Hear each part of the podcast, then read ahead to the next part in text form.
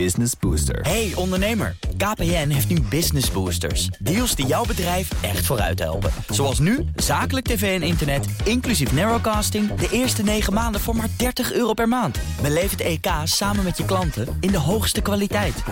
Kijk op kpn.com slash businessbooster. Business Booster. Een goedemorgen van het FD. Ik ben Pauline Swuster en het is maandag 3 oktober.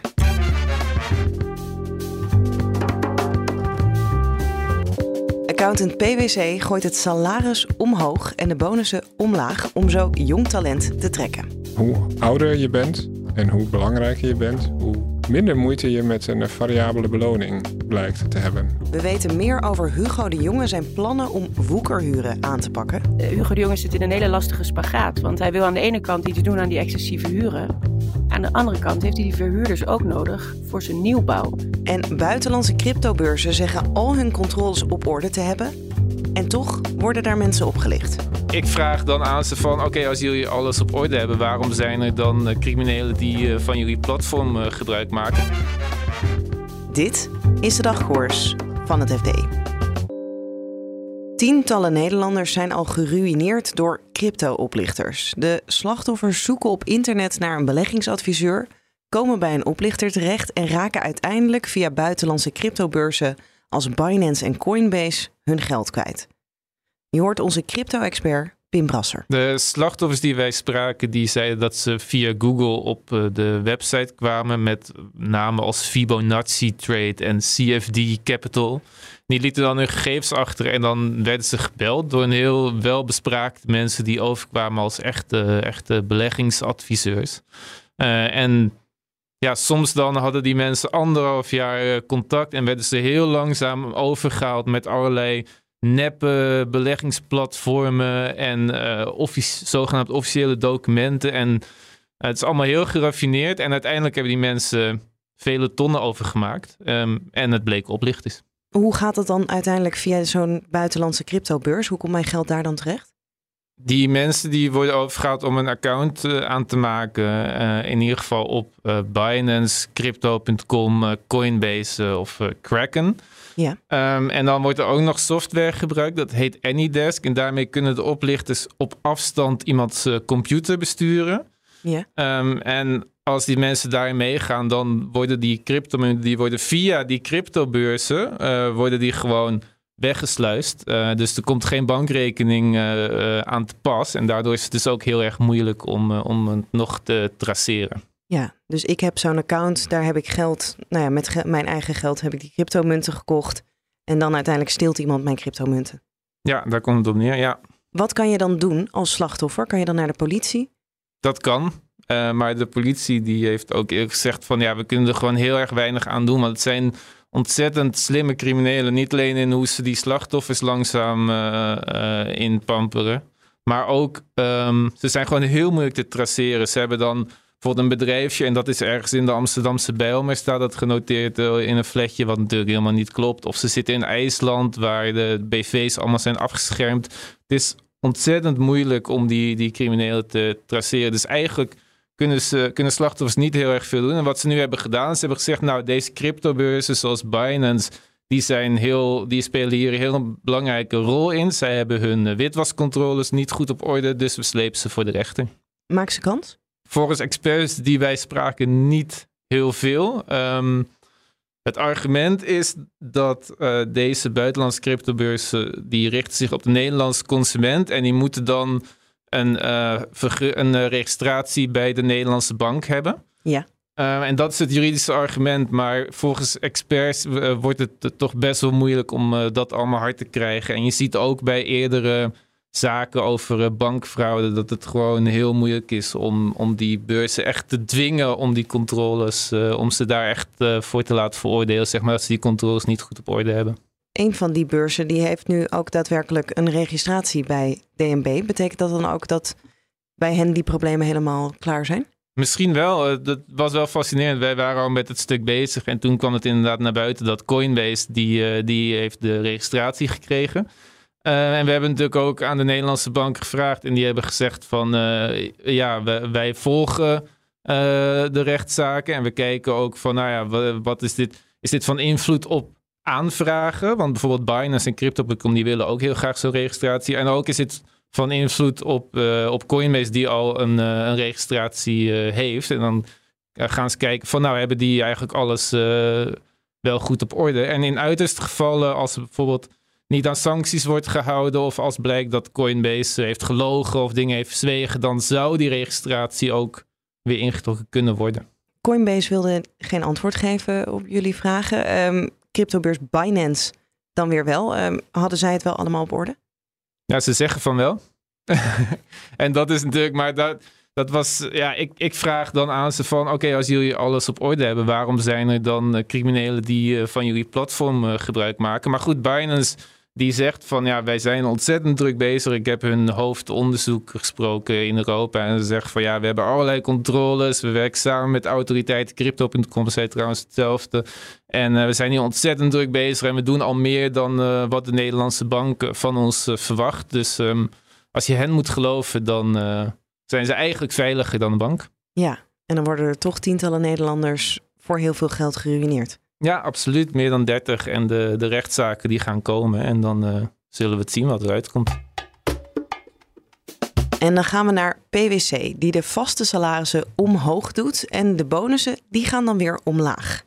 Het idee is dat zo hun jonge werknemers aan een huis kunnen komen, vertelt Edwin van der Schoot, die de Zuidas volgt voor het FD. Een bonus is natuurlijk iets wat het ene jaar nul kan zijn en het andere jaar heel veel. Als je, en bij uh, PwC valt het over de afgelopen twee jaar wel mee. Is het een beetje, is het inkomen en de netto winst een beetje hetzelfde. Maar als je bijvoorbeeld kijkt bij KPMG zit er een enorm verschil in, bijna 50%.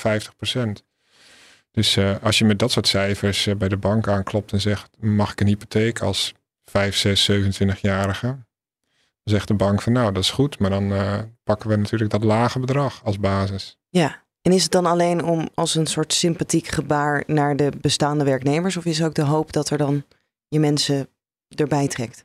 Ja, het is een, een, zo'n, uh, een van de, als je die Big Four kantoren bekijkt, dat zijn een soort opleidingsinstituten.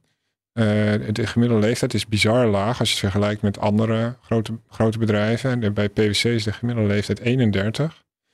Uh, daar werken 5500 mensen. En elk jaar, gemiddeld, gaat ongeveer 14% van het personeel weg. En er komt dus ook, en dat wordt allemaal weer aangevuld met nieuwe mensen, met nieuw, vaak, vaak vers uit de schoolbanken. Dit jaar lag het cijfer nog wat hoger. Ging 18% van het personeel weg en konden al die plekken ook niet meer worden ingevuld. Dus over de afgelopen twee jaar zie je het personeelsbestand van, uh, van PwC ook echt krimpen. Terwijl, terwijl het best goed gaat met het bedrijf en ze hebben volop werk. Ja, en hebben zij het dan ook lastiger dan andere kantoren? Uh, nou, je ziet wel dat al die andere kantoren ook in dezelfde vijver aan het vissen zijn. Net, net als de overheid en, uh, en sommige multinationals. Maar je ziet bij Deloitte waren er afgelopen boekjaar netto 700 mensen bijgekomen. Die doen het in ieder geval op dat vlak beter. Ja, en die hebben dan ook, die signaleren wel ditzelfde probleem, maar die hebben een andere oplossing, namelijk we gaan juist meer bonussen uitkeren in plaats van ze afschaffen. Ja, het is grappig om te zien dat ze allebei zeggen van ja, we willen in ons personeel investeren. Uh, en we hebben aan ons personeel gevraagd wat het personeel graag wil. En ze komen tot tegenraadse oplossingen. Namelijk bij Deloitte gaan de bonussen omhoog. Echt met als doel, en dat, zo leggen ze dat zelf ook uit, om mensen vast te houden, de goede mensen vast te houden en, en extra goede mensen van buitenaf te werven.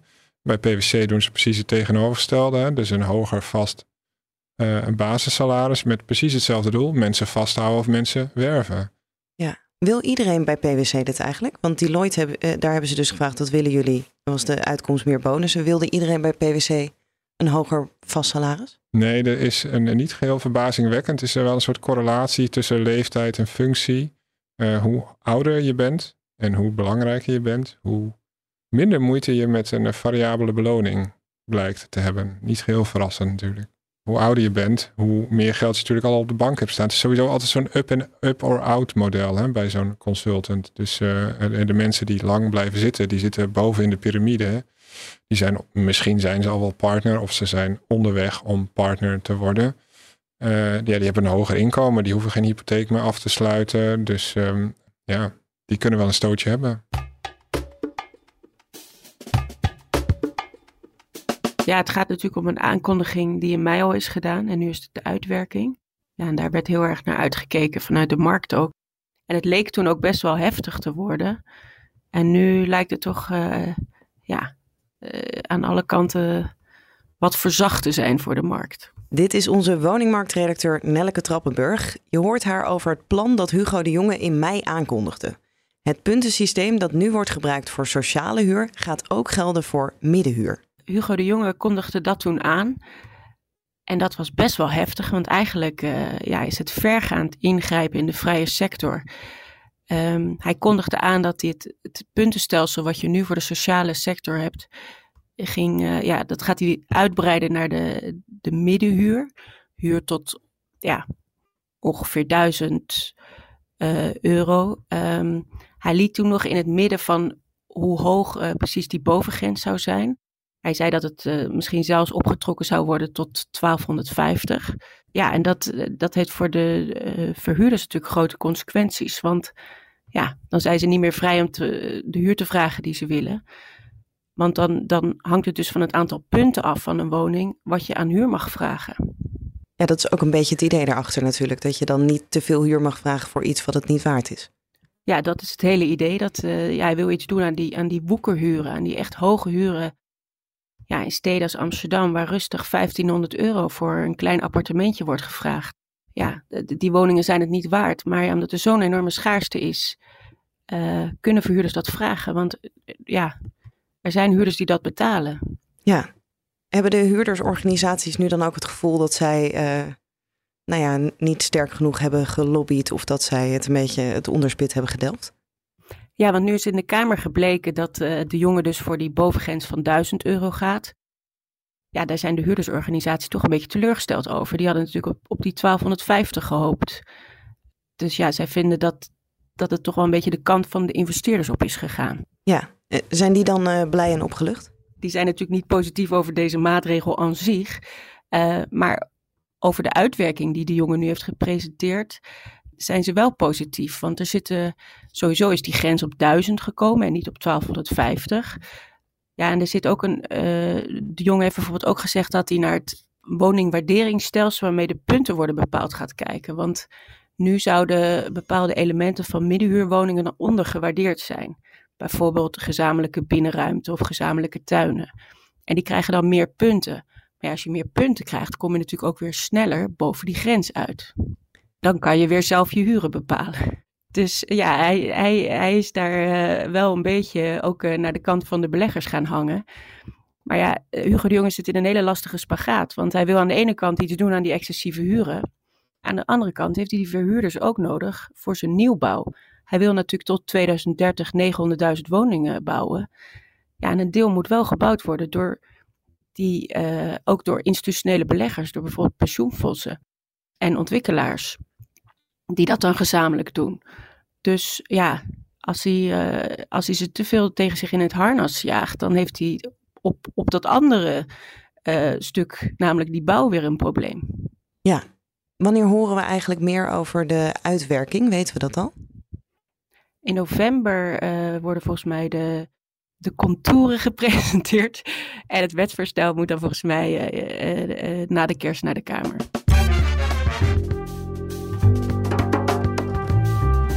Dit was de dagkoers van het FD. We zijn er elke werkdag, dus morgenochtend staan we weer in je favoriete podcast-app.